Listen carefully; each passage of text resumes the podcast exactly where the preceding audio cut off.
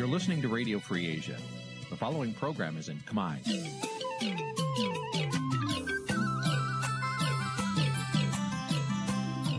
នេះជាកម្មវិធីផ្សាយ Vuthu Azizi Serai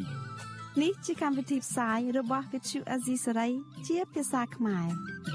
Vuthu Azizi Serai សូមស្វាគមន៍លោកអ្នកនាងទាំងអស់ពីរដ្ឋធានី Washington នៃសហរដ្ឋអាមេរិក ផ្សាយផ្ទាល់ពីរដ្ឋធានី Washington នាងខ្ញុំសុជីវីសូមជម្រាបសួរលោកនាងកញ្ញាដែលកំពុងតាមដានការផ្សាយរបស់ Vuthu Azizi Serai ទាំងអស់ជាទីមេត្រីចា៎យើងខ្ញុំសូមជូនកម្មវិធីផ្សាយសម្រាប់យប់ថ្ងៃអាទិត្យ10រោចខែអាសត់ឆ្នាំឆ្លូវត្រីស័កពុរសករាជ2565ចាប់ត្រូវនៅថ្ងៃទី31ខែតុលាគ្រិស្តសករាជ2021ចាស់ជាដំបូងនេះសូមអញ្ជើញលោកអ្នកនាងស្ដាប់ព័ត៌មានប្រចាំថ្ងៃដែលមានវេទិកាដូចតទៅ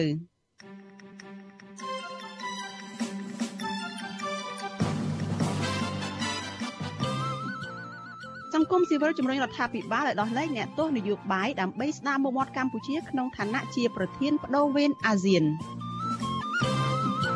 រដ្ឋាភិបាលថាសេចក្តីស្នើច្បាប់របស់ក្រុមសមាជិកព្រឹទ្ធសភាអាមេរិកគឺជាឧបករណ៍ដាក់សម្ពាធលើកម្ពុជាសហជីព Nagavel បន្តធ្វើយុទ្ធនាការស្វែងរកដំណោះស្រាយលើបណ្ដាញសង្គមក្រោយក្រុមហ៊ុនបញ្ឈប់ពួកគេពីការងារ សកម្មជនបកប្រឆាំងម្នាក់នៅភ្នំពេញប្រឈមនឹងការរស់នៅកាន់តែលំបាកក្រោយអ្នកមានអំណាចចុះរុះរើផ្ទះរបស់គាត់រួមនឹងព័ត៌មានផ្សេងៗមួយចំនួនទៀត។ចាជាបន្តទៅទៀតនេះនាងខ្ញុំសុជីវីសូមជូនព័ត៌មានទៅនេះពឹស្ដាចាលោកនាងជាទីមេត្រីតកតងនឹងការឆ្លងរាលដាលជំងឺ Covid-19 ចាអ្នកជំងឺ Covid-19 ចំនួន7អ្នកទៀតបានស្លាប់ក្នុងនោះមាន2អ្នកអ្នក ជាអ្នកដែលបានចាក់វ៉ាក់សាំងនិង5អ្នកទៀតគឺជាអ្នកដែលមិនបានចាក់វ៉ាក់សាំងចាករណីឆ្លងថ្មីវិញមានជាង95អ្នកចាំមាន95នាក់ដែលជាលទ្ធផលនៃការបញ្ជាក់ដោយម៉ាស៊ីនពិសោធន៍ PCR ប៉ុន្តែតួលេខនេះមិនរាប់បញ្ចូលលទ្ធផលដែលពិនិត្យតាមឧបករណ៍តេស្តរហ័សឬហៅថា rapid test នោះទេជាមួយគ្នានេះក្រសួងសុខាភិបាលក៏បានប្រកាសប្រើប្រាស់វ៉ាក់សាំង Sinovac ដើម្បីចាក់ឲ្យកុមារដែលមានអាយុចន្លោះពី5ឆ្នាំ ចំនួន2ដូសនៅគ្រប់រាជធានីខេត្តចាប់ពីថ្ងៃទី1ខែវិច្ឆិកាកន្លងមកមន្ត្រីសង្គមស៊ីវិលនិងអ្នកជំនាញផ្នែកវិទ្យាសាស្ត្រមួយចំនួនព្រួយបារម្ភនឹងរិះគន់ជាខ្លាំងចំពោះការសម្ដែងចិត្តដ៏លឿនរបស់រដ្ឋាភិបាលក្នុងការចាក់វ៉ាក់សាំងដល់កុមារនេះព្រោះមិនទាន់មានការសម្រេចជាផ្លូវការពីអង្គការសុខភាពពិភពលោកហៅកាត់ថា WHO នោះនៅឡើយចាក់គិតត្រឹមព្រឹកថ្ងៃទី31ខែតុលាកម្ពុជាមានអ្នកកើតជំងឺ Covid-19 ជាង118,000នាក់ ក្នុងនោះអ្នកជាសះស្បើយមានប្រមាណជាង114,000នាក់ចំណែកករណីស្លាប់ដោយជំងឺ Covid-19 វិញក្រសួងអះអាងថា បានកើនឡើងដល់ជាង2700នាក់ហើយ។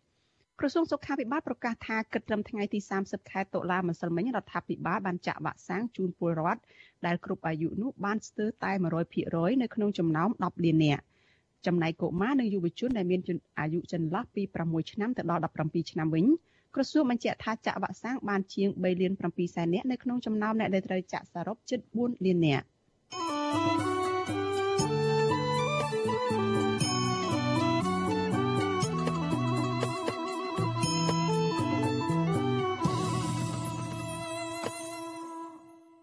ចលនានេះកញ្ញាជាទីមេត្រីចាសេចក្តីរាយការណ៍តកតនឹងការស្នើច្បាប់របស់សមាជិកសភាអាមេរិកតកតនឹងប្រជាធិបតេយ្យនៅកម្ពុជាឯនេះវិញ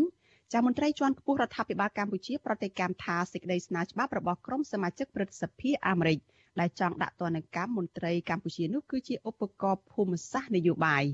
ការលើកឡើងបែបនេះគឺបន្ទាប់ពីសមាជិកព្រឹទ្ធសភាអាមេរិក6រូបទើបតែបានបញ្ជូនជាផ្លូវការនៅខ្លឹមសារនៃសេចក្តីស្នើច្បាប់ស្ដីពីលទ្ធិប្រជាធិបតេយ្យនិងសិទ្ធិមនុស្សនៅកម្ពុជាសម្រាប់ឆ្នាំ2021ឬហៅថា S3052 ទៅឲ្យគណៈកម្មាធិការកិច្ចការបរទេសនៃព្រឹទ្ធសភាអាមេរិកពិនិត្យ ចាអ្នកតាមដានស្ថានភាពនយោបាយយល់ថាដើម្បីគេចផុតពីការដាក់ទណ្ឌកម្មនេះរដ្ឋាភិបាលត្រូវតែស្ដារលទ្ធិប្រជាធិបតេយ្យនិងគោរពសិទ្ធិមនុស្សឲ្យបានពេញលេញជាមុនសិនចាលោកអ្នកនាងនឹងបានស្ដាប់សេចក្តីរាយការណ៍នេះពិស្ដារនៅក្នុងការផ្សាយរបស់យើងនៅពេលបន្តិចទៀតនេះ។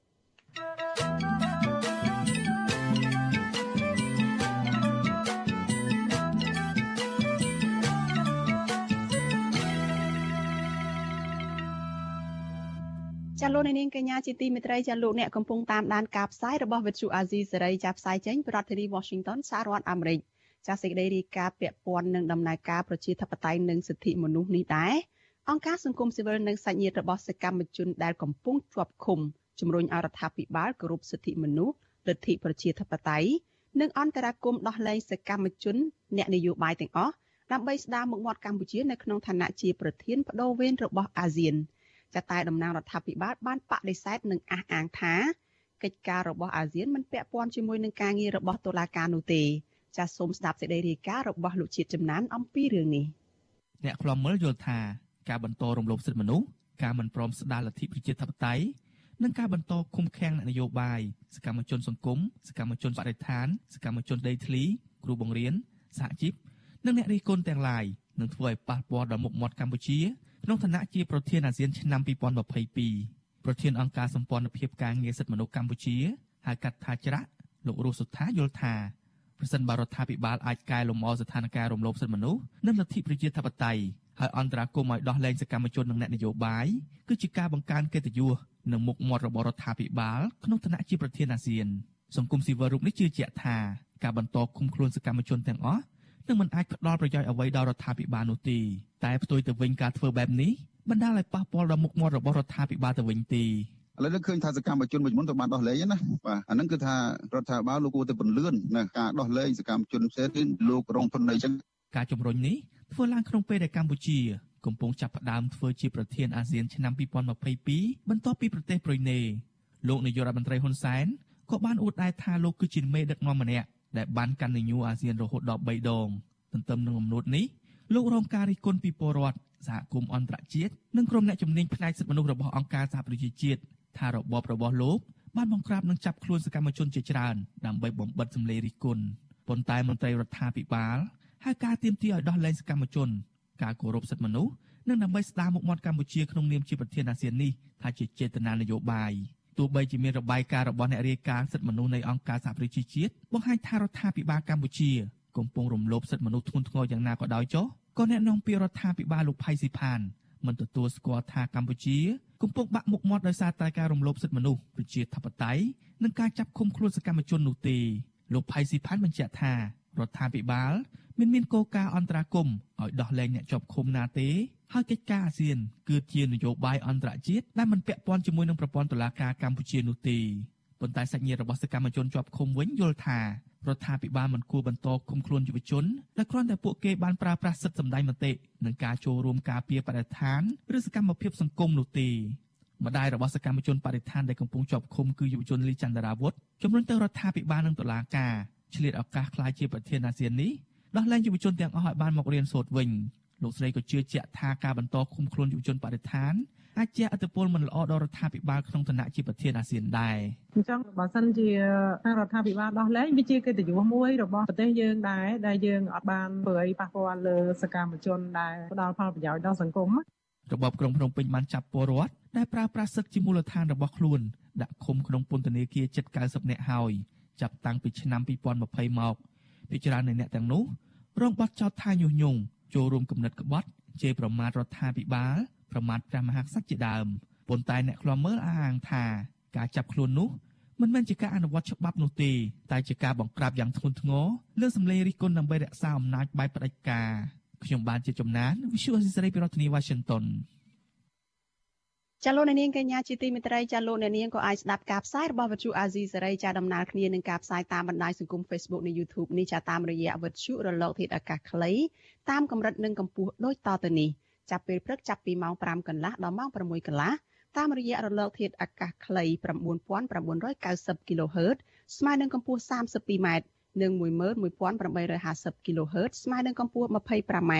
ចាប់ពេលយប់ចាប់ពីម៉ោង7កន្លះដល់ម៉ោង8កន្លះ តាមរយៈរលកធាតុអាកាសខ្លី9390 kHz ស្មើនឹងកម្ពស់ 32m និង15155 kHz ស្មើនឹងកម្ពស់ 22m ចលនានេះជាទីមេត្រីសេចក្តីរាយការណ៍តកតងនឹងក្រមគណៈបកប្រឆាំងឬក៏សកម្មជនគណៈបកប្រឆាំងនៅរាជធានីភ្នំពេញឯនេះវិញចាស់សកម្មជនគណៈបកសង្គ្រោះជាតិម្នាក់នៅខណ្ឌឫស្សីកែវរាជធានីភ្នំពេញកំពុងតែមានជីវភាពកាន់តែលំបាក នៅក្រៅពេលដែលមានបុគ្គលម្នាក់ដែលគាត់សង្ស័យថាជាអ្នកដែលធ្វើការនៅក្រសួងមហាផ្ទៃបាននាំមនុស្សជាច្រើននាក់ទៅរុះរើផ្ទះនិងបណ្ដេញគាត់ចេញពីដីកាលពីថ្ងៃទី12ខែតុលាសកម្មជនរូបនេះអះអាងថារហូតមកដល់ពេលនេះអាជ្ញាធរពាក់ព័ន្ធមិនបានជួយដោះស្រាយនិងផ្ដល់សំណងជូនគ្រួសាររបស់លោកនៅឡើយទេចាស់មន្ត្រីសង្គមស៊ីវិលយល់ថាអាជ្ញាធរធ្វើបែបនេះគឺជាការរើសអើងនិន្នាការនយោបាយនិងជាទង្វើដែលខុសច្បាប់ ចាសសូមស្ដាប់សេចក្តីរាយការណ៍របស់លោកមានរិទ្ធអំពីរឿងនេះសកម្មជនគណៈបពប្រឆាំងខណ្ឌរសីកែវរិះគន់អាជ្ញាធរពាក់ព័ន្ធដែលមិនដោះស្រាយជូនគ្រួសារលោកថា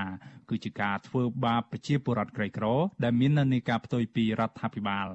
សកម្មជនគណៈបកសង្គ្រោះជាតិសង្កាត់រសីកែវលោកយ៉ងត្រា ប្រវិសុយស៊ីស្រីនៅព្រឹកថ្ងៃទី31ខែតុលាថា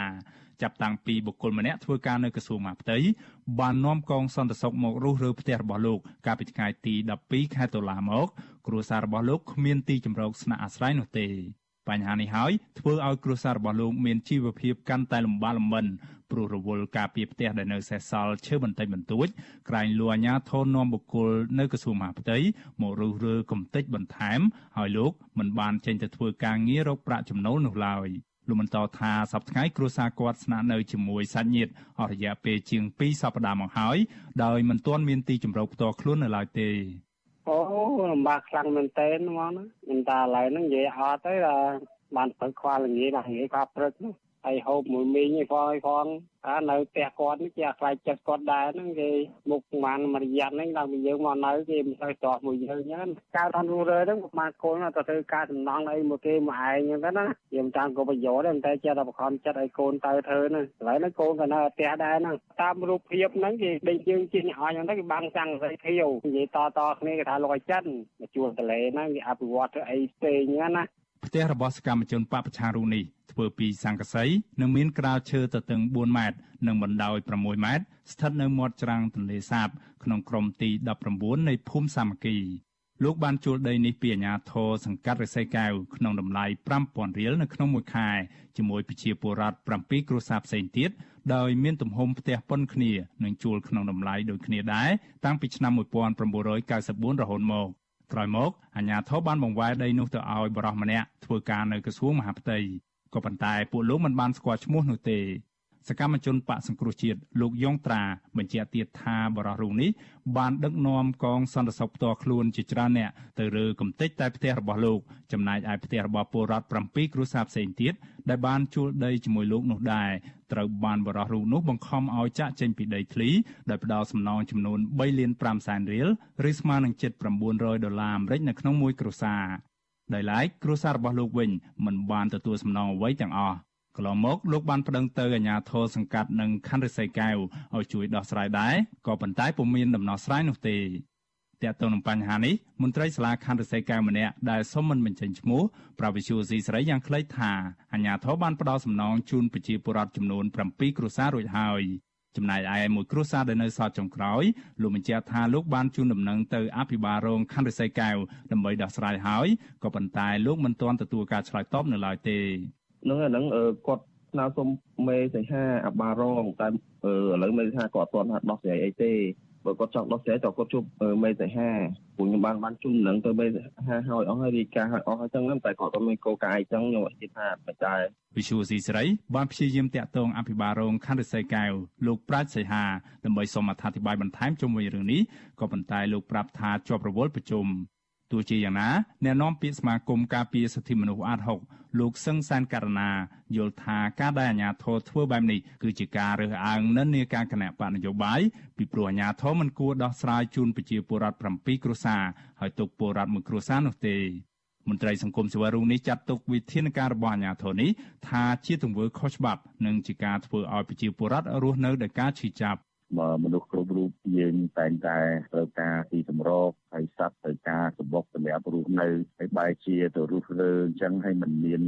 ការដោះស្រាយណាមួយដែលធ្វើឲ្យគាត់អាចទទួលយកបានបែបហ្នឹងថាវាមិនសមរម្យហើយវាខុសទៅនឹងច្បាប់ទៅទៀតទោះបីថាដីហ្នឹងវាមិនទាន់ប្រកបជារឿងច្បាប់ក៏ដោយប៉ុន្តែទីជំរករបស់គាត់ដែលគាត់មានស្រាប់ហ្នឹងវាគួរប្រសាទុកឲ្យទៅចែកគ្នាជាមុនជូនដំណឹងជាមុនដើម្បីឲ្យគាត់រៀបរយការរស់នៅគាត់សិនណានេះមករស់រើគាត់អីគាត់អត់មានកន្លែងស្នាក់នៅទៀតវាជារឿងអណោយអធមមួយសម្រាប់ពលរដ្ឋណាលោកសឹងសានករណាសំណូមពរអាជ្ញាធរពាក់ព័ន្ធចុះស្រាវជ្រាវលើរឿងនេះនិងចាត់វិធានការផ្លូវច្បាប់លើអ្នកពាក់ព័ន្ធដែលបានដកហូតដីពីប្រជាពលរដ្ឋទាំងនោះបុគ្គលឲ្យអ្នកមានលុយមានអំណាចដើម្បីគ្រប់គ្រងហើយបានរុះរើផ្ទះសម្បែងរបស់ប្រជាពលរដ្ឋនិងបណ្ដេញពួកគេចេញដោយបង្ខំ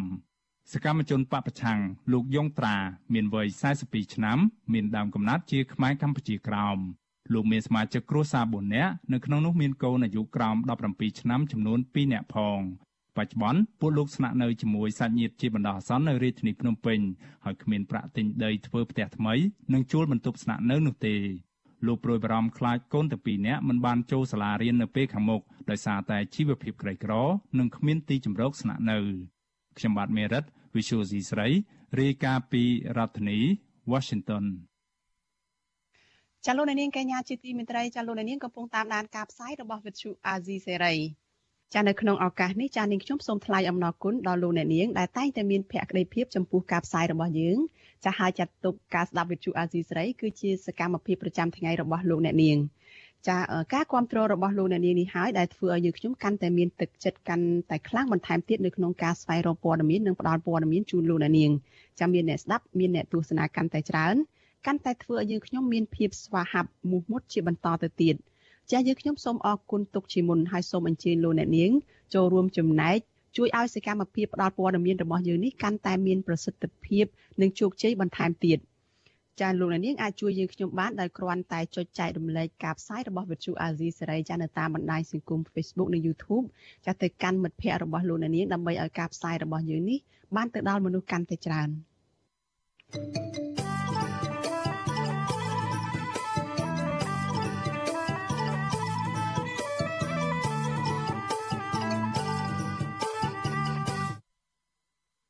ចាលោកនាងជាទីមេត្រីមន្ត្រីជាន់ខ្ពស់រដ្ឋាភិបាលកម្ពុជាប្រតិកម្មថាសេចក្តីស្នើច្បាប់របស់ក្រមប្រឹក្សារបស់ក្រមសមាជិកព្រឹទ្ធសភាសហរដ្ឋអាមេរិកដែលចង់ដាក់ទណ្ឌកម្មមន្ត្រីកម្ពុជានោះគឺជាឧបករណ៍ភូមិសាស្ត្រនយោបាយ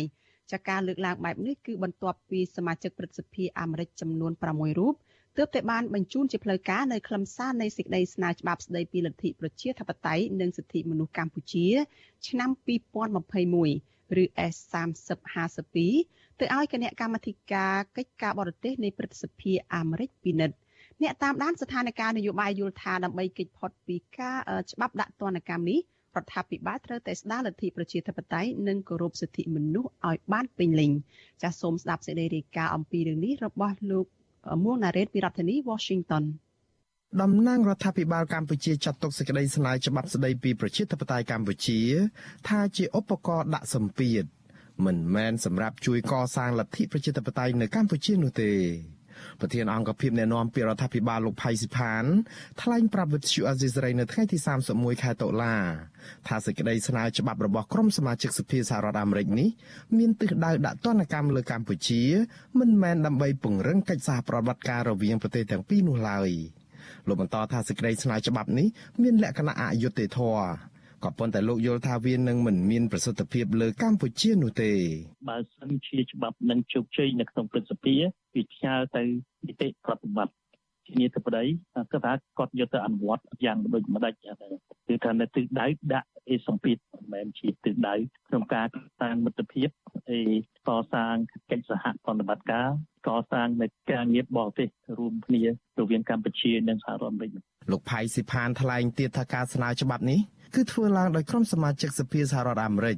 ដូច្នេះមិនប្រកាសថាលោកប្រធានាធិបតីโจ Biden នឹងយល់ព្រមចុះហត្ថលេខាប្រកាសឲ្យប្រើប្រាស់ច្បាប់នេះនោះទេ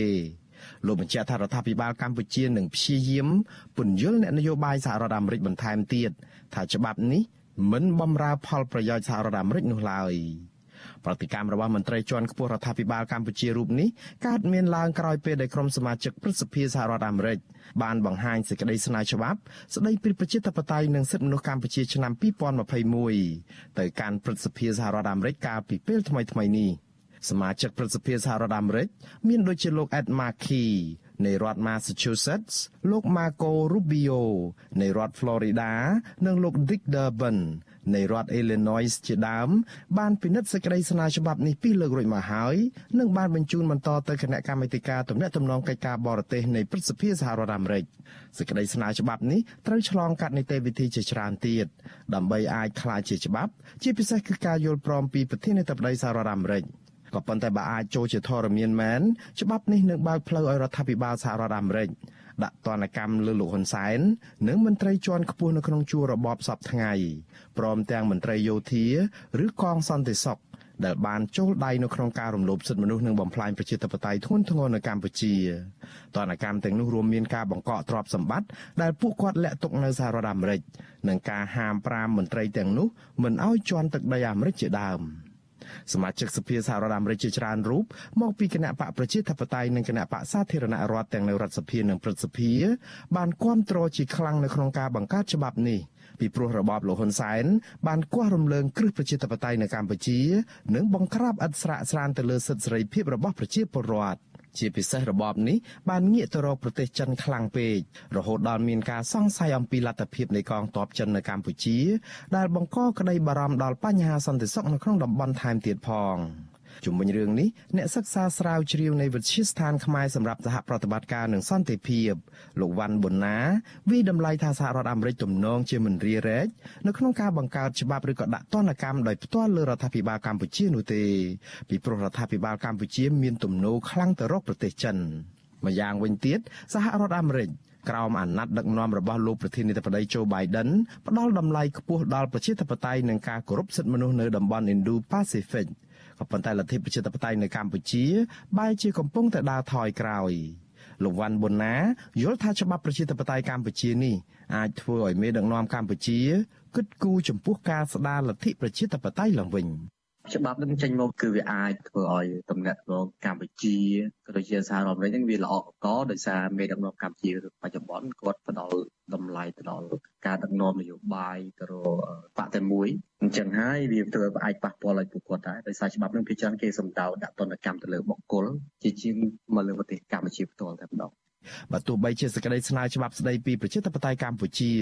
កំពុងតែស្ថិតនៅក្នុងនីតិវិធីក៏ដោយក៏មន្ត្រីក្រាក់ក្រាក់ ឈ្មួញទុច្ចរិតនិងក្រុមហ៊ុនមួយចំនួនដែលមានរឿងអាស្រូវពុករលួយនឹងការរំលោភសិទ្ធិមនុស្សធ្ងន់ធ្ងរបានទទួលរងទណ្ឌកម្មពីសហរដ្ឋអាមេរិកជាបណ្ដាបណ្ដារួចទៅហើយក្រោមច្បាប់ដាក់ទណ្ឌកម្មជាសកល The Global Magnitsky Act អ្នកទាំងនោះរួមមានមេកងអង្គរៈលោកហ៊ុនសែនគឺលោកហ៊ីងប៊ុនហៀងអនុប្រធានទី1គណៈកម្មការជាតិគ្រប់គ្រងគ្រោះមហន្តរាយលោកគុណគឹមនិងសមាជិកគ្រួសារ3នាក់ទៀត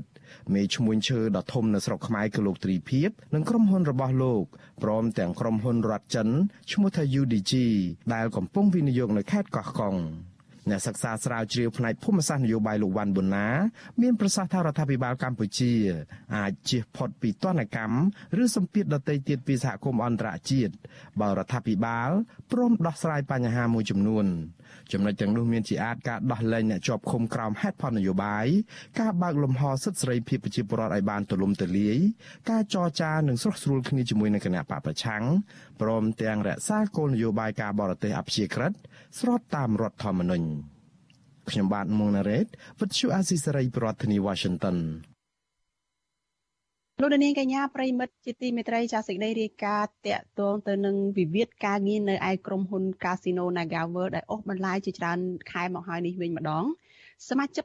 សមាជិកសហជីពនិងបុគ្គលិកក្រុមហ៊ុន Casino NagaWorld ធ្វើយុទ្ធនាការលើបណ្ដាញសង្គម Facebook ដើម្បីទាមទារដំណោះស្រាយវិវាទការងារដែលមានរយៈពេល201ថ្ងៃហើយគិតត្រឹមថ្ងៃទី31ខែតុលា ក្រោយពេលដែលភាគីក្រុមហ៊ុនបញ្ឈប់ពួកគេពីការងារដោយមិនអនុវត្តបានត្រឹមត្រូវតាមច្បាប់ការងារយុទ្ធនាការនេះទាមទារឲ្យភាគីក្រុមហ៊ុនមើលឃើញពីទុកលំបាករបស់បុគ្គលិកនិងទាមទារឲ្យថៅកែទទួលយកបុគ្គលិកចូលធ្វើការវិញដោយគ្មានលក្ខខណ្ឌរួមទាំងផ្ដល់ប្រាក់សំណងនិងប្រាក់អត្ថប្រយោជន៍ផ្សេងផ្សេងតាមច្បាប់ការងារដែលកម្មករព្រមទទួលសំណងពីខាងក្រុមហ៊ុននាពេលកន្លងមក។ ចាស់មេដឹកនាំសហជីពលើកឡើងថាកន្លងមកកម្មករនិងសហជីពបានព្យាយាមផ្ញើសារតាមបណ្ដាញសង្គមនិងដាក់លិខិតទៅក្រសួងកាងារនិងរដ្ឋមន្ត្រីក្រសួងកាងារលោកអ៊ិតសំហេងនិងភាគីពាក់ព័ន្ធដទៃទៀតដែរប៉ុន្តែស្ថាប័នមានសមត្ថកិច្ចទាំងនោះមិនបានឆ្លើយតបសំណើរបស់កម្មករដែលហាក់បង្ហាញពីភាពអសកម្មនិងប្រងើយកន្តើយទៅក្នុងការដោះស្រាយបញ្ហាដល់កម្មករនិយោជិតដែលទទួលរងអំពើអយុត្តិធម៌ ប្រធានសហជីពត្រួតត្រងសិទ្ធិការងារបុគ្គលិកកម្មករខ្មែរនៃក្រុមហ៊ុន Casino Nagavel កញ្ញាឈឹមស៊ីធថ្លែងថារហូតមកដល់ថ្ងៃទី31ខែតុលានេះសហជីពនិងបុគ្គលិកបានធ្វើយុទ្ធនាការបានរយៈពេល201ថ្ងៃហើយដើម្បីស្វែងរកដំណោះស្រាយពីស្ថាប័នពាក់ព័ន្ធនៅតាមបណ្ដាញសង្គម Facebook របស់សហជីពនិងបុគ្គលិកផ្ទាល់ខ្លួនដោយបានបង្ហោះសារតស៊ូមតិអមដោយវីដេអូនិងរូបថតផងដែរ កញ្ញាបន្តថាយុទ្ធនាការនេះគឺពួកគាត់ចង់ផ្ញើសារទៅកាន់ក្រុមហ៊ុននិងក្រសួងការងារដោយលើកឡើងនៅបញ្ហាប្រឈមរបស់បុគ្គលិកនិងថ្នាក់ដឹកនាំសហជីពដែលទទួលរងការកេងប្រវ័ញ្ចកម្លាំងពលកម្មនិងការរំលោភបំពានច្បាប់ពីសំណាក់ក្រុមហ៊ុន Casino Nagavel ជាបន្តបន្ទាប់កញ្ញាឲ្យដឹងទៀតថាចាប់តាំងពីថៅកែ Nagavel បញ្ឈប់បុគ្គលិកនៅក្នុងពេលដែលមានវិបត្តិជំងឺ Covid-19 មកពួកគាត់មិនអាចស្វែងរកការងារថ្មីធ្វើបាននោះទេ ដោយគ្មានប្រាក់ដោះស្រាយជីវភាពសម្រាប់បង់បន្ទប់ជួល និងបង់បំណុលធនាគារជាដើមដូច្នេះក្រុមបុគ្គលិកទាមទារឲ្យក្រុមហ៊ុនទទួលយកកម្មករនៅថ្នាក់ដឹកនាំសហជីពដែលមិនបានទទួលសំណងឲ្យចូលធ្វើការដោយដើមវិញនិងផ្ដល់ប្រាក់សំណងនិងប្រាក់អត្ថប្រយោជន៍ផ្សេងដល់បុគ្គលិកដែលបានទទួលសំណងពីក្រុមហ៊ុននាពេលកន្លងមកពីព្រោះសហជីពបានរកឃើញថាក្រុមហ៊ុនបានកេងប្រវ័ញ្ចកម្លាំងពលកម្មនិងរំលោភសិទ្ធិកម្មករ។ ការតស៊ូមតិអនឡាញគឺជាអីមួយដែលយើងចង់ធ្វើបង្ហាញអំពីការប្រឈមរបស់ពួកគាត់នៅក្នុងពេលដែលរងចាំដំណោះស្រាយយូរដល់ថ្នាក់នឹងហើយគាត់អត់មានការងារធ្វើគាត់មានប្រាក់ខែគាត់ធ្វើការនៅក្រុមហ៊ុន Naga នេះគឺយើងឃើញថាជាច្រើនឆ្នាំមកហើយគឺគាត់បានប្រាក់ខែតិចមែនទែនគាត់ត្រូវទទួលរងកេងប្រវ័ញ្ចកម្លាំងពលកម្មយូរឆ្នាំមកហើយដល់ពេលដែលរងចាំដំណោះស្រាយពីស្ថាប័នពាក់ព័ន្ធយូរដល់ថ្នាក់នេះវាធ្វើឲ្យប៉ះពាល់ដល់ជីវភាពរបស់ពួកគាត់ខ្លាំងមែនទែន ចាស់កញ្ញាសឹមឈឹមស៊ីថសោកស្ដាយដែលក្រសួងការងារនិងរដ្ឋាភិបាលហាក់អសកម្មនិងប្រងើយកន្តើយចំពោះសំណើរបស់កម្មករនយោជិត ដែលធ្វើឲ្យក្រុមហ៊ុនបរទេសមួយនេះហ៊ានរំលោភសិទ្ធិរបស់កម្មករនិងសហជីពនៅកន្លែងការងារដោយបញ្ឈប់បុគ្គលិកតាមទំនឹងចិត្តនាពេលកន្លងមកកញ្ញាយល់ថាការរំលោភសិទ្ធិការងារពីសំណាក់ក្រុមហ៊ុន Casino នៅពេលនេះគឺធ្វើឲ្យកម្ពុជារងការរិះគន់ធ្ងន់ធ្ងរពីសហគមន៍ជាតិនិងអន្តរជាតិជាថ្មីម្ដងទៀត។ ចាស់វិទ្យុអាស៊ីសេរីមិនអាចតាក់ទងប្រធានប្រតិបត្តិបុគ្គលិករបស់ក្រុមហ៊ុន Nagavel លោកម៉ៃងៃនិងអ្នកនាំពាក្យក្រសួងការងារលោកហេងសួរដើម្បីឆ្លើយតបជុំវិញរឿងនេះបានទេនៅថ្ងៃទី31ខែតុលាដោយហៅទូរស័ព្ទចូលច្រើនដងប៉ុន្តែពុំមានអ្នកទទួលកាលពីខែមេសាឆ្នាំ2021នៅក្នុងពេលដែលមានការផ្ទុះការរាលដាលជំងឺ Covid-19 ក្រុមហ៊ុន Nagavel បានបញ្ឈប់បុគ្គលិកជាង1300នាក់ដែលទាំងនោះរួមមានស្ត្រីមានផ្ទៃពោះ ស្ត្រីទើបសម្រាលកូនអ្នកខ្លះទៀតក៏ត្រូវក្រុមហ៊ុនបញ្ឈប់ទាំងប្តីទាំងប្រពន្ធរួមទាំងថ្នាក់ដឹកនាំសហជីពផងដែរក្រុមហ៊ុន Nagavel លើកហេតុផលថាវិបត្តិជំងឺ Covid-19 ធ្វើឲ្យប៉ះពាល់ទៅដល់ប្រាក់ចំណូលរបស់ក្រុមហ៊ុនហើយកាលពីពេលថ្មីៗកន្លងទៅនេះក្រសួងការងារក៏បានកោះហៅភាគីចំនួនមកចរចារកដំណោះស្រាយចំនួន2ដងដែរក៏ប៉ុន្តែมันមានលទ្ធផលនោះទេដោយសារតែតំណាងភាគីក្រុមហ៊ុនមិនព្រមទទួលយកសំណើរបស់សហជីព បន្ទាប់មកក្រសួងបានបញ្ជូនសំណុំរឿងនេះទៅក្រុមប្រឹក្សាអាជ្ញាកណ្ដាលហើយស្ថាប័នដោះស្រាយវិវាទការងារមួយនេះបដិសេធពិចារណាការទីមទារបស់ភាគីកម្មករនយោជិត កាលពីថ្ងៃទី10ខែកញ្ញាដោយរុញករណីនេះឲ្យត្រឡប់ទៅអធិការកិច្ចការងារនៃក្រសួងការងារដោះស្រាយឡើងវិញទោះជាយ៉ាងណាសហជីពបញ្ជាក់ថារហូតមកដល់ពេលនេះគឺអធិការកិច្ចការងារនិងរដ្ឋមន្ត្រីក្រសួងការងារនៅមិនទាន់ឆ្លើយតបជុំវិញរឿងនេះនៅឡើយទេ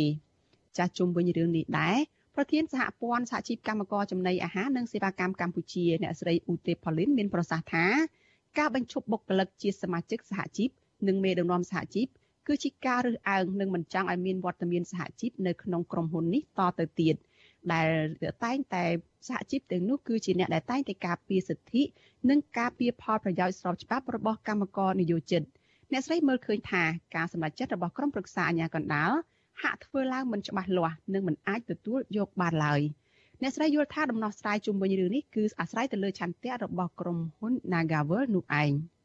សារទៅមានសហជីពហ្នឹងឯងជំរុញឲ្យមានលក្ខខណ្ឌការងារជំរុញមានការផ្ដល់ប្រាក់ឈ្នួលកើនឡើងជំរុញមានការផ្ដល់អត្ថប្រយោជន៍ផ្សេងផ្សេងដល់កម្មករនិយោជិតបើសិនជាគេលុបបំបាត់នៅសហជីពបាននៅក្នុងក្រុមហ៊ុន Naga ហ្នឹងគឺថ្ងៃក្រោយកម្មករនិយោជិតលែងរូបភាពជាកម្មករទៀតទៅជាទេសកលមានថាគេដាក់លក្ខខណ្ឌបែបណាគឺយើងត្រូវតែធ្វើតាមគេបើធ្វើមិនមិនតាមគេទេគេមានសិទ្ធិនៅក្នុងការបញ្ឈប់កម្មករនិយោជិតភ្លាមភ្លាមឲ្យយើងមើលឃើញថាតកែ Naga គឺអត់អញ្ញើតនៅក្នុងការបំពេញច្បាប់ទេ ចាស់ក្រុមហ៊ុន Casino NagaWorld ដែលធ្លាប់ជាប់ឈ្មោះមិនល្អនៅក្នុងបញ្ជីក្រុមហ៊ុនរំលោភសិទ្ធិការងារអះអាងថាខ្លួនមានបញ្ហាលំបាកផ្នែកហិរញ្ញវត្ថុទើបឈានទៅដល់ការបញ្ឈប់បុគ្គលិកជាង1300នាក់ឬជិត20%នៃបុគ្គលិកក្រុមហ៊ុនបែបនេះផ្ទុយពីការអះអាងនេះខាងសហជីពឲ្យដឹងថាក្រុមហ៊ុន Nagavel នៅតែអាចរកប្រាក់ចំណូលបានជាង900លានដុល្លារ ហើយចំណេញបានជាង100លានដុល្លារនៅក្នុងឆ្នាំ2020កន្លងទៅនិងកំពុងចំណាយលុយសាងសង់ Nagavel ទី3បន្ថែមទៀតនៅពេលដែលប្រទេសកម្ពុជាកំពុងតែជួបវិបត្តិជំងឺ Covid-19 នេះសហជីពបានដឹងថាមានបុគ្គលិកជិត400នាក់នៅក្នុងចំណោម1300នាក់នោះមិនព្រមទទួលយកសំណងពីក្រុមហ៊ុនឡើយដោយសារតែការទូទាត់សំណងនោះគឺមិនត្រឹមត្រូវតាមច្បាប់ការងារសហជីពបញ្ជាក់ថាភាគីក្រុមហ៊ុនមិនបានយកប្រាក់ឈ្នួលបច្ចុប្បន្ន មកគិតឲ្យបុគ្គលិកនោះទេតែបែរជាយកប្រាក់ឈ្នួលកាលពី10ឆ្នាំមុនមកទូទាត់ដោយបូកបញ្ចូលនឹងប្រាក់អត្ថប្រយោជន៍មួយចំនួនទៀតសហជីពអះអាងថាពួកគាត់បានព្យាយាមស្វែងរកដំណោះស្រាយដើម្បីបញ្ជៀសបញ្ហាប្រឈមមុខដាក់គ្នាគ្រប់នីតិវិធីអស់ហើយប៉ុន្តែភាគីពាក់ព័ន្ធនៅតែមិនបានផ្ដល់ដំណោះស្រាយដដែលពួកគាត់សង្កេតសង្កត់ធ្ងន់ថាសហជីពនិងកម្មករបានប្រជុំសម្រាប់រួចហើយនឹងធ្វើកោតកម្មនាពេលខាងមុខនេះប្រសិនបើស្ថាប័នពាក់ព័ន្ធ នៅតែមិនផ្ដល់ដំណោះស្រាយឬក៏ផ្ដល់យុត្តិធម៌ទៅឲ្យពួកគាត់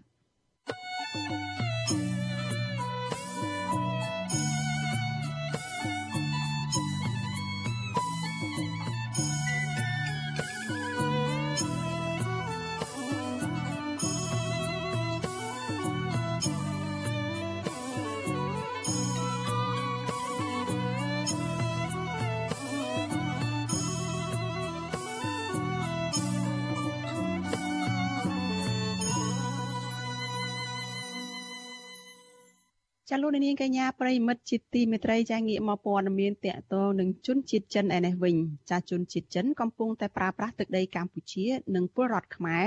ធ្វើការងារឆបោកតាមប្រព័ន្ធអនឡាញ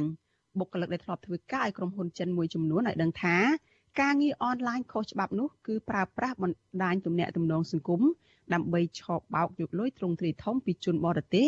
ឬពីមនុស្សគ្រប់ប្រភេទមន្ត្រីសង្គមស៊ីវិលជំរុញរដ្ឋាភិបាល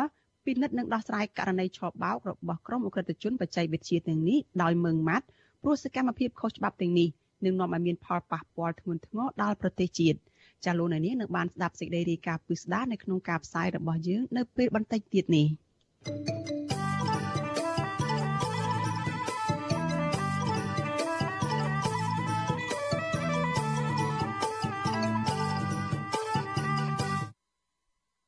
លោកអ្នកនាងជាកញ្ញាជាទីមេត្រីចាអ្នកភូមិចែងម៉ៃនៅឯជារាជធានីភ្នំពេញស្ថិតនៅក្នុងឃុំសំរោងក្រោមខណ្ឌពូសានជ័យ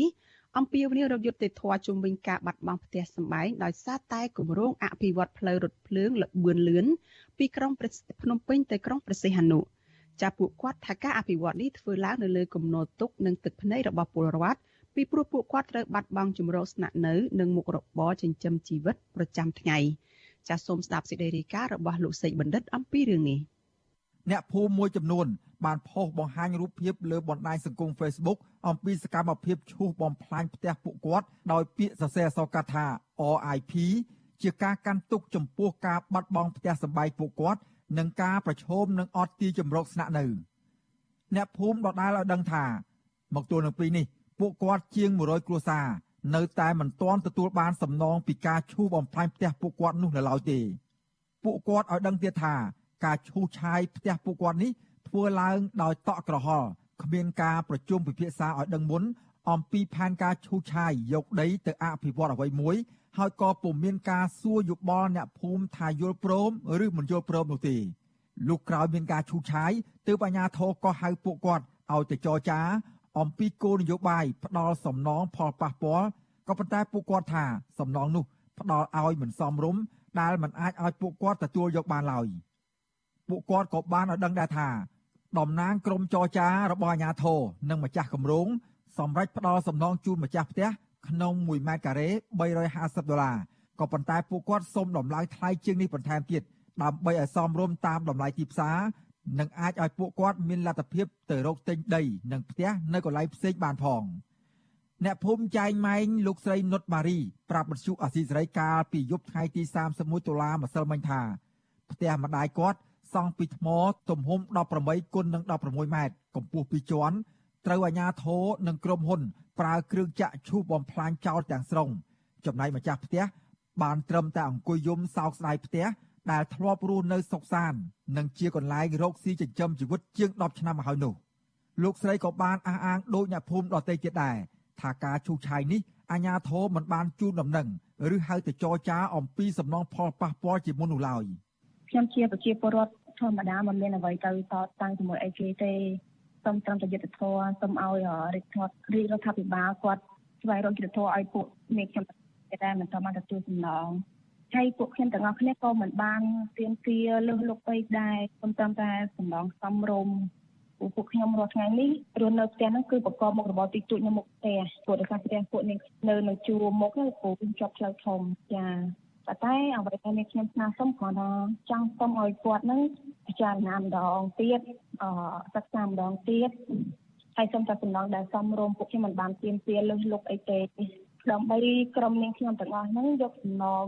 ដែលទទួលបានហ្នឹងទៅស្វែងរកទីតាំងថ្មីដែលអាចប្រកបមុខរបរបានរស់នៅធម្មតាដូចនៅកន្លែងចាស់តែប៉ុណ្្នឹងទេលោកពូអាស៊ីសេរីនៅពុំទាន់អាចតាក់ទងអាជ្ញាធររាជធានីភ្នំពេញដើម្បីសុំការពន្យល់អំពីបញ្ហានេះបានទេ កាលពីថ្ងៃទី31ខែតុលាក៏ប៉ុន្តែអ្នកនាំពាក្យរដ្ឋបាលរាជធានីភ្នំពេញលោកមេតមាសភក្តីធ្លាប់ប្រាប់សារព័ត៌មានក្នុងស្រុកថាវិធានការរបស់អាជ្ញាធរក្រុងគឺធ្វើឡើងជាជំរើសចុងក្រោយដើម្បីពន្លឿនការអភិវឌ្ឍនិងដើម្បីផលប្រយោជន៍សេដ្ឋកិច្ចរួមរបស់ប្រជាពលរដ្ឋបន្ទាប់ពីអាជ្ញាធរពាក់ព័ន្ធបានខិតខំសម្របសម្រួលជាមួយនឹងប្រជាពលរដ្ឋទាំងនោះអស់រយៈពេលច្រើនខែមកហើយ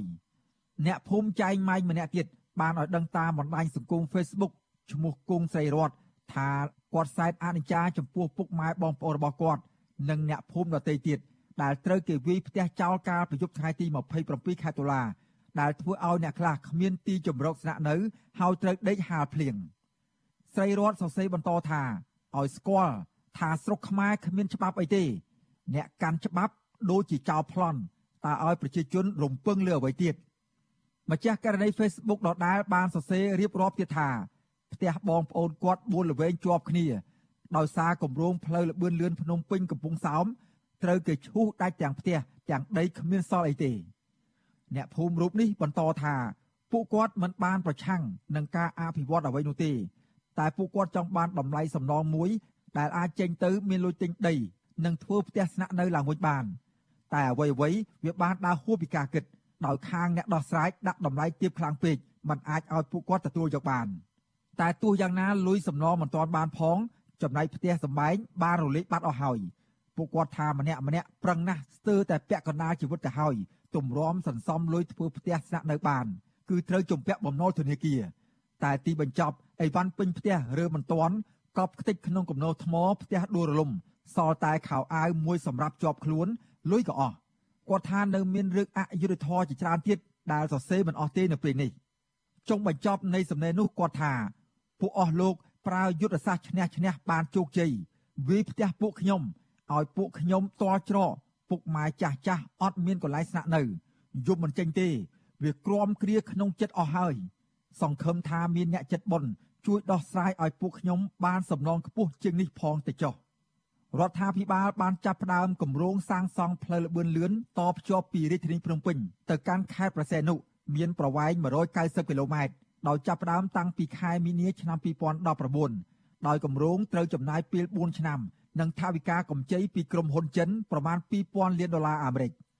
ខ្ញុំបាទសេកបណ្ឌិតវិទ្យុអាស៊ីសេរីពីរដ្ឋធានីវ៉ាស៊ីនតោន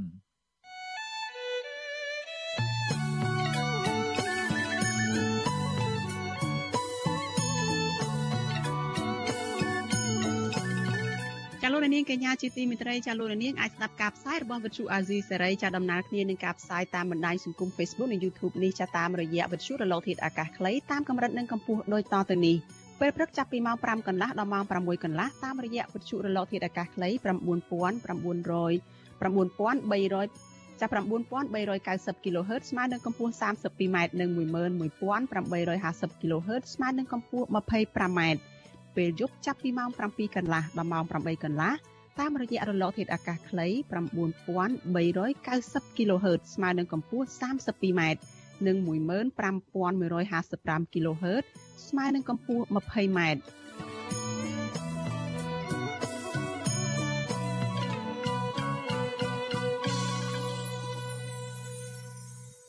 លនានាងជាទីមិត្តរីសេចក្តីរាយការណ៍តាក់ទងនឹងស្ថានភាពសិទ្ធិមនុស្សនិងប្រជាធិបតេយ្យនៅមុនពេលដែលកម្ពុជាធ្វើជាប្រធានបដូវវេនអាស៊ានវិញចាស់សង្គមស៊ីវិលនិងសាច់ញាតិរបស់សកម្មជនជាប់ឃុំឃាំងជំរុញរដ្ឋាភិបាលគោរពសិទ្ធិមនុស្សនិងលទ្ធិប្រជាធិបតេយ្យនិងអន្តរាគមន៍ដោះលែងសកម្មជនអ្នកនយោបាយទាំងអស់ដើម្បីស្ដារមុខមាត់កម្ពុជា នៅក្នុងឋានៈជាប្រធានបដូវវេនអាស៊ាន ចាតែតំណាងរដ្ឋាភិបាលបដិសេធនិងអះអាងថាកិច្ចការអាស៊ានមិនពាក់ ព័ន្ធជាមួយនឹងការងារតុលាការនោះទេចាតកតទៅនឹងសេចក្តីរាយការណ៍នេះចានេះខ្ញុំនឹងមានសម្ភារផ្ទាល់មួយជាមួយនឹងអ្នកធ្វើការផ្នែកសិទ្ធិមនុស្សនៅកម្ពុជាថាតើពួកគាត់មើលឃើញយ៉ាងម៉េចតើមានសារៈសំខាន់យ៉ាងម៉េចដើម្បីបានជាទីមទីឲ្យមានការដោះលែងអ្នកដែលជាប់ឃុំនៅមុនពេលដែលកម្ពុជាធ្វើជាប្រធានអាស៊ាននៅក្នុងឆ្នាំ2022ខាងមុខចាសសូមលោកនាងកុំភ្លេចរងចាំតាមដានបទសម្ភាសន៍នេះនៅពេលបន្តិចទៀតនេះចាប៉ុន្តែនៅពេលនេះចាសសូមស្ដាប់ សេចក្តីរាយការណ៍របស់លោកជាតិចំណានឡើងវិញបន្តិចចាដែលលោកនិយាយអំពីការស្នើសុំរបស់ក្រុមអង្គការសង្គមស៊ីវិលនេះចាអ្នកខ្លំមើលយល់ថាការបន្តរំលោភសិទ្ធិមនុស្សការមិនព្រមស្ដារលទ្ធិប្រជាធិបតេយ្យនិងការបន្តឃុំឃាំងអ្នកនយោបាយសកម្មជនសង្គមសកម្មជនបរិស្ថានសកម្មជនដីធ្លីគ្រូបង្រៀនសហជីពនិងអ្នករិះគន់ទាំងឡាយនឹងធ្វើឲ្យប៉ះពាល់ដល់មុខមាត់កម្ពុជាក្នុងឋានៈជាប្រធានអាស៊ានឆ្នាំ2022 ប្រធានអង្គការសម្ព័ន្ធភាពការងារសិទ្ធិមនុស្សកម្ពុជាហៅកាត់ថាច្រាក់លោករស់សុថាយល់ថាប្រសិនបរដ្ឋាភិបាលអាចកែលម្អស្ថានភាពរំលោភសិទ្ធិមនុស្សនិងលទ្ធិប្រជាធិបតេយ្យហើយអន្តរាគមន៍ឲ្យដោះលែងសកម្មជននិងអ្នកនយោបាយគឺជាការបង្កើនកិត្តិយសនិងមុខមាត់របស់រដ្ឋាភិបាលក្នុងឋានៈជាប្រធានអាស៊ានសង្គមស៊ីវិលរូបនេះជឿជាក់ថាការបន្តឃុំខ្លួនសកម្មជនទាំងអស់នឹងមិនអាចផ្ដល់ប្រយោជន៍អ្វីដល់រដ្ឋាភិបាលនោះទេតែផ្ទុយទៅវិញការធ្វើបែបនេះ បណ្ដាលឲ្យប៉ះពាល់ដល់មុខមាត់របស់រដ្ឋាភិបាលទៅវិញទេឥឡូវឃើញថាសកម្មជនមួយចំនួនត្រូវបានដោះលែងណាបាទអាហ្នឹងគឺថារដ្ឋាភិបាលលោកគួរតែពន្លឿនណាការដោះលែងសកម្មជនផ្សេងទៀតលោករងធនអីចឹងការជំរុញនេះធ្វើឡើងក្នុងពេលដែលកម្ពុជាកំពុងចាប់ផ្ដើមធ្វើជាប្រធានអាស៊ានឆ្នាំ2022បន្ទាប់ពីប្រទេសប្រ៊ុយណេ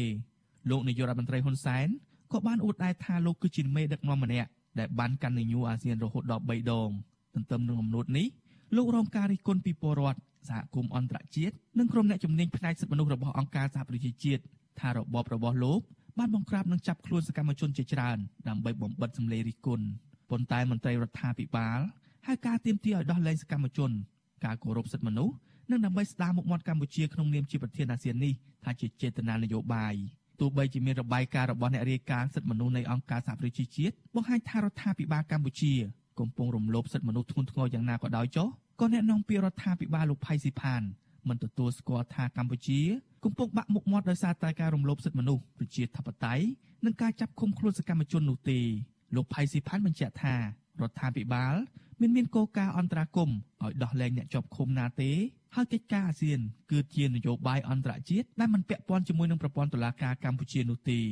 ប៉ុន្តែសាច់ញាតិរបស់សកម្មជនជាប់ឃុំវិញយល់ថា រដ្ឋាភិបាលមិនគួរបន្តឃុំខ្លួនយុវជនដែលគ្រាន់តែពួកគេបានប្រើប្រាស់សិទ្ធិសម្ដែងមតិនិងការចូលរួមការពារបរិស្ថានឬសកម្មភាពសង្គមនោះទេម្ដាយរបស់សកម្មជនបរិស្ថានដែលកំពុងជាប់ឃុំគឺយុវជនលីចន្ទរាវុធជំរុញទៅរដ្ឋាភិបាលនិងតុលាការឆ្លៀតឱកាសក្លាយជាប្រធានអាស៊ាននេះដោះលែងយុវជនទាំងអស់ឲ្យបានមករៀនសូត្រវិញលោកស្រីក៏ជឿជាក់ថាការបន្តឃុំខ្លួនយុវជនបរិស្ថាន អាចជាអត្តពលមិនល្អដល់រដ្ឋាភិបាលក្នុងឋានៈជាប្រធានអាស៊ានដែរអញ្ចឹងបើសិនជាខាងរដ្ឋាភិបាលដោះលែងវាជាកិត្តិយសមួយរបស់ប្រទេសយើងដែរដែលយើងអត់បានធ្វើអីប៉ះពាល់លើសកម្មជនដែលផ្ដល់ផលប្រយោជន៍ដល់សង្គមរបបក្រុងភ្នំពេញបានចាប់ពលរដ្ឋដែលប្រើប្រាស់សិទ្ធិជាមូលដ្ឋានរបស់ខ្លួនដាក់ឃុំក្នុងពន្ធនាគារជិត90នាក់ហើយចាប់តាំងពីឆ្នាំ2020មកពិចារណាអ្នកទាំងនោះរងបាត់ចោទថាញុះញង់ចូលរួមគំនិតក្បត់ជេរប្រមាថរដ្ឋាភិបាល ប្រមាថព្រះមហាក្សត្រជាដើមប៉ុន្តែអ្នកខ្លាំមើលអះអាងថាការចាប់ខ្លួននោះមិនមែនជាការអនុវត្តច្បាប់នោះទេតែជាការបង្ក្រាបយ៉ាងធ្ងន់ធ្ងរលើសម្លេងរិះគន់ដើម្បីរក្សាអំណាចបែបផ្ដាច់ការខ្ញុំបានជាចំណាន Visual Society ពីរដ្ឋធានី Washington ចាលោកនាងកញ្ញាជាទីមេត្រីចាតតទៅនៅរឿងនេះចាយើងបានភ្ជាប់ប្រព័ន្ធវីដេអូ Skype ទៅលោករស់សន្តាចាដែលលោកជាប្រធានអង្គការសម្ព័ន្ធនភាពការពារសិទ្ធិមនុស្សកម្ពុជាហៅកាត់ថាច្រាក់ចាលោកនឹងយក ចូលមកជជែកនៅក្នុងកម្មវិធីផ្សាយរបស់វិទ្យុអាស៊ីសេរីនៅយប់នេះចាតតទៅទៅនឹងសារៈសំខាន់អ្វីខ្លះចំពោះការស្នើសុំឲ្យមានការដោះលែងសកម្មជននយោបាយសកម្មជនសង្គមអ្នកការពារសិទ្ធិមនុស្សដែលកំពុងតែជាប់ឃុំនៅមុនពេលដែលកម្ពុជាធ្វើជាប្រធានបដូវវេនរបស់អាស៊ាននៅក្នុងឆ្នាំ2022ខាងមុខនេះចាឥឡូវបានឃើញលោកស្ថាហើយចាជំរាបសួរលោករុស្ថាចាបាទជំរាបសួរបាទជំរាបសួរចាអរគុណច្រើនលោកស្ថាដែលបានរងចាំអឺ ដោយសារតែមានបញ្ហាបច្ចេកទេសយើងពិបាកតាក់ទងលោកនៅព្រឹកនេះទើបឲ្យលោកចូលមកនៅចុងម៉ោងនេះចាលោកស្ថាតើមានសារៈសំខាន់យ៉ាងណាតើហេតុអ្វីបានជាកម្ពុជានឹងត្រូវតែមានការដោះលែងឬក៏ធ្វើឲ្យមានសេរីភាពទៅដល់អ្នកដែលជាអ្នកការពារសិទ្ធិមនុស្សអ្នកការពារធនធានធម្មជាតិនិងសកម្មជននយោបាយដែលកំពុងជាប់ឃុំនឹងចា៎បាទឃើញថាដោយស្ថានភាព នយោបាយក្នុងប្រទេសក៏ដូចជាអាស៊ាននៅក្នុងសកលលោកពាក់ព័ន្ធនឹងសិទ្ធិមនុស្សនិងប្រជាធិបតេយ្យនេះគឺវាស្របពេលគ្នាបាទស្របពេលគ្នាដែលប្រជាជាតិខ្មែរយើងប្រទេសនៅក្នុងតំបន់និងមិត្តយើងឬថាសហគមន៍អន្តរជាតិទាំងអង្គការសហជីវជាតិបាទបានពិនិត្យឃើញនៃការធ្លាក់ដុនដាបនៃសិទ្ធិមនុស្សនិងប្រជាធិបតេយ្យទី1បាទទី2គឺថាអឺ យើងនៅក្នុងសមាគមអាស៊ាននេះគឺយើងផ្ដោតទៅលើគោលនយោបាយសន្តិភាពអឺគោលនៃនៃខណ្ឌនយោបាយសន្តិសុខនិងសេដ្ឋកិច្ចនិងវប្បធម៌ហើយឃើញថាទាំងប្រជាជនកម្ពុជាក៏ដូចជាសហគមន៍អន្តរជាតិពិសេសប្រទេសមហាអំណាចនិងពិសេសទៅទៀតនោះគឺសមាជិកហត្ថលេខីនៃកិច្ចព្រមព្រៀងសន្តិភាពក្រុងប៉ារីសនិងអង្គការសហជីវជាតិ ហើយបើសិនជាយើងនិយាយជាលក្ខណៈដៃគូអន្តរជាតិគឺថាមាន EU ជាដើមគឺថាបានពិនិត្យឃើញថាស្ថានភាពសិទ្ធិមនុស្សរបស់យើងមានការដុនដាបបាទហើយដុនដាបនេះគឺថាធ្វើឲ្យវាមានប៉ះពាល់មុខមាត់ណារដ្ឋាភិបាលគាត់ដឹងថាការប៉ះពាល់នឹងគឺប៉ះពាល់ក្នុងប្រទេសជាតិខ្លួនឯងក្នុងសង្គមអាស៊ានក៏ដូចជាអន្តរជាតិដែរបាទ ហើយអញ្ចឹងគឺការពាក់ព័ន្ធនឹងការចាប់ខ្លួនរបស់សកម្មជនបរិស្ថាននិងសិទ្ធិមនុស្សនិងនយោបាយមួយចំនួនហ្នឹងក៏សិតតែធ្វើឡើងដោយថាមិនទាន់បានស្អាតស្អំនៅឡើយទេគឺថាដូចជាយើងបានស្ដាប់របាយការណ៍គឺឃើញថាអឺការចាប់ខ្លួនការដាក់ពន្ធនាគារទាំងនោះសិតតែគេហៅថាការចោតពីរឿងបញ្ហាការអធ្វើឲ្យប៉ះពាល់សន្តិសុខសង្គមហើយមិនមានការបែងចែកឬក៏ធ្វើសេចក្តី ថ្លែងការណ៍ច្បាស់លាស់ថាតើករណីនោះវាប៉ះពាល់យ៉ាងម៉េចផ្នែកផ្នែកខាងសន្តិសុខឬក៏អកតកម្មអីអីឃើញតែការចោទនឹងហាក់បីដូចជាមើលទៅឃើញថាដូចយើងប្រើគោលនយោបាយច្រើនជាង លក្ខណៈនយោបាយលក្ខណៈអញ្ញាច្រើនជាងគឺថាលក្ខណៈច្បាប់ដែលពាក់ព័ន្ធទៅលើ ការប្រព្រឹត្តខុសរបស់ប្រជាពលរដ្ឋម្ល៉េះហើយបញ្ហាសិទ្ធិមនុស្សនិងការចាប់ខ្លួននេះ វាបានទូងស្គរឲ្យជាតិយើងទាំងមូលក៏ដូចជាពិភពលោកបានលឺហើយនាំទាំងក្លិនមិនល្អទៅទៀតមកហើយយើងឈរនៅក្នុងប្រទេសអាស៊ានគឺថាមានប្រទេសមួយចំនួនដែលជាប្រទេសដែលល្អដែលអនុវត្តបានគេហៅថាមានការអនុវត្តល្អការគោរពសិទ្ធិនិងជាតតៃល្អល្អដូចជានៅប្រទេសសិង្ហបុរីឥណ្ឌូនេស៊ីម៉ាឡេស៊ីជាដើមហើយដែល យើងគឺថាមានគោលនយោបាយគឺប្រជាធិបតេយ្យសេរីពហុបកណាការគោរពសិទ្ធិមនុស្សដែលយើងបានចុះកតិកាដែលគេចុះ ratify សច្ចាប័នជាមួយអង្គការសហជីវជាតិទទួលស្គាល់ដែលមានការចែងនៅក្នុងរដ្ឋធម្មនុញ្ញចំពោះ3ទៀតដែលទទួលស្គាល់សិទ្ធិគ្រប់យ៉ាងទាំងអស់បាទអឺសិទ្ធិជាមូលដ្ឋាននិងសិទ្ធិទាំងឡាយដូចជាសិទ្ធិនយោបាយបាទ ទាំងអស់នេះគឺថាមានការទទួលស្គាល់យ៉ាងពេញលេញព្រមទាំងទទួលស្គាល់សិទ្ធិដែលបានចែងនៅក្នុងរដ្ឋធម្មនុញ្ញរបស់អង្គការសហជាតិកតិកាសញ្ញាអនុសញ្ញាជាដើមដែលថាយើងបានថាអនុវត្តគឺថាបញ្ញាអនុវត្តទៅតាមស្តង់ដារកម្រិតខ្ពស់មួយ ដែលជាការចង់បាននឹងការអនុវត្តរបស់អន្តរជាតិតែកលែងមកមើលគឺការអនុវត្តជាក់ស្ដែងរបស់យើងវាមានក្លិនមិនល្អច្រើនហើយដែលសហ ទាំងជាតិខ្មែរយើងទាំងសង្គមស៊ីវិលបញ្ញវន្តទាំងនយោបាយមួយចំនួនគណៈបកហើយនិងសហគមន៍អន្តរជាតិតអង្គការសិទ្ធិជាតិបានលើកបញ្ហាដែលក្លិនហ្នឹងមកហើយយើងត្រូវជួបមួយគេសិតជាអ្នកមុខមាត់សិតជាប្រទេសស៊ីវិល័យឬសិង្ហបុរីអីហើយខ្មែរយើងធ្លាប់មានមុខមាត់ខ្ពង់ខ្ពស់ណាការពូសំណៃសម័យសម័យតាយើងគឺថាប្រទេសកម្ពុជាជាប្រទេសដែលឈានមុខគេក្នុងការអភិវឌ្ឍលើសិង្ហបុរីទៅទៀតមកហើយ ស្ថានភាពដែលយើងមាននឹងកិត្តិយសនៅពេលនេះ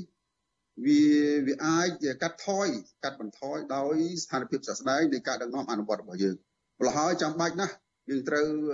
ទោះបីថាមិនមានការប្រជុំអាស៊ានក៏វាជាការចាំបាច់ដើម្បីធ្វើការកែតម្រង់ដែរបាទចា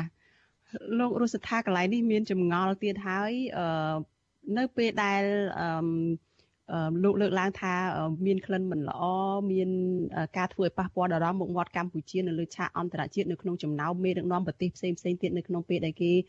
មកចូលរួមកិច្ចប្រជុំអាស៊ាននឹងគឺធ្វើឲ្យប៉ះពាល់មុខមាត់កម្ពុជា ប៉ុន្តែហេតុម៉េចបានជាសហគមន៍អន្តរជាតិនឹងមិនមើលមកជ្រុងទៀតទៅនៅពេលដែលរដ្ឋាភិបាលនឹងបានលើកឡើងហើយថានេះគឺជាការងាររបស់តុលាការគឺជាការអនុវត្តច្បាប់មិនក៏មិនមើលថាកម្ពុជាកំពុងតែអនុវត្តច្បាប់គួរតែមានកេរ្តិ៍ឈ្មោះល្អទៅវិញទេដែលកម្ពុជាអនុវត្តច្បាប់នៅក្នុងការចាប់មនុស្សដែលប្រព្រឹត្តបទល្មើសដាក់ពន្ធនាគារនឹងចាស់លោកសុថា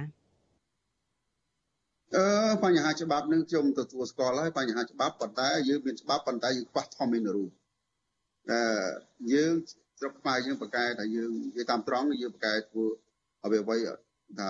ស្របច្បាប់ទាំងអស់ការបោះឆ្នោតក៏ស្របច្បាប់ការកាន់តួនាទីសភាគឺរដ្ឋសភាព្រឹទ្ធសភាក៏វាច្បាប់គ្រប់គ្រងទាំងអស់ដូចថាឥឡូវយើងមានច្បាប់មួយទៀតច្បាប់គេហៅថាច្បាប់កាន់មុខតំណែងក្នុងរដ្ឋសភាឬព្រឹទ្ធសភា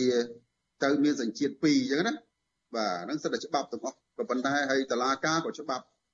ប៉ុន្តែអញ្ចឹងបានហេតុអ្វីហេតុអ្វីបានសហគមន៍អន្តរជាតិគេមិនសូវនិយាយរឿងច្បាប់ព្រោះថាច្បាប់នៅកម្ពុជាហ្នឹងវាមានគេថាមានថាឥឡូវនេះដែលយើងមានស្ថានភាពឯកបកទៅទៀតទៅគឺថាការធ្វើច្បាប់នឹងវាអត់មានតលយៈភាពអត់មានការ